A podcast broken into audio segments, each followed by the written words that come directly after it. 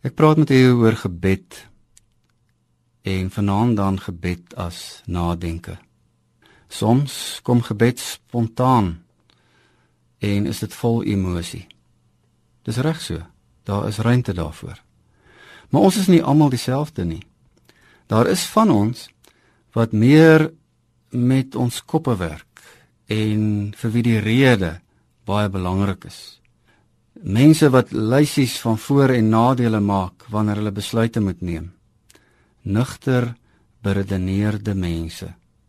Mense wat uh, op 'n manier sal sê bid jy nou maar vrou, maar ek maak nog die somme. Die verrassende is dat albei die spontane emosie en die nadenkende gebed gebed is. En in beide gevalle is ons mense wat voor God staan met ons harte en met ons koppe en dit is gebed. Luister hoe klink dit in Psalm 77. Ek dink aan vroeër dae, aan jare lank gelede. As ek so in die nag lê en terugdink en pyns, vra ek my af: Sal die Here vir altyd verstoot en nooit weer genade betoon nie? Het daar vir altyd 'n einde gekom aan sy trou? Geld sy belofte dan glad nie meer nie. So jy kan hoor hier is weer die element van twyfel, van klag.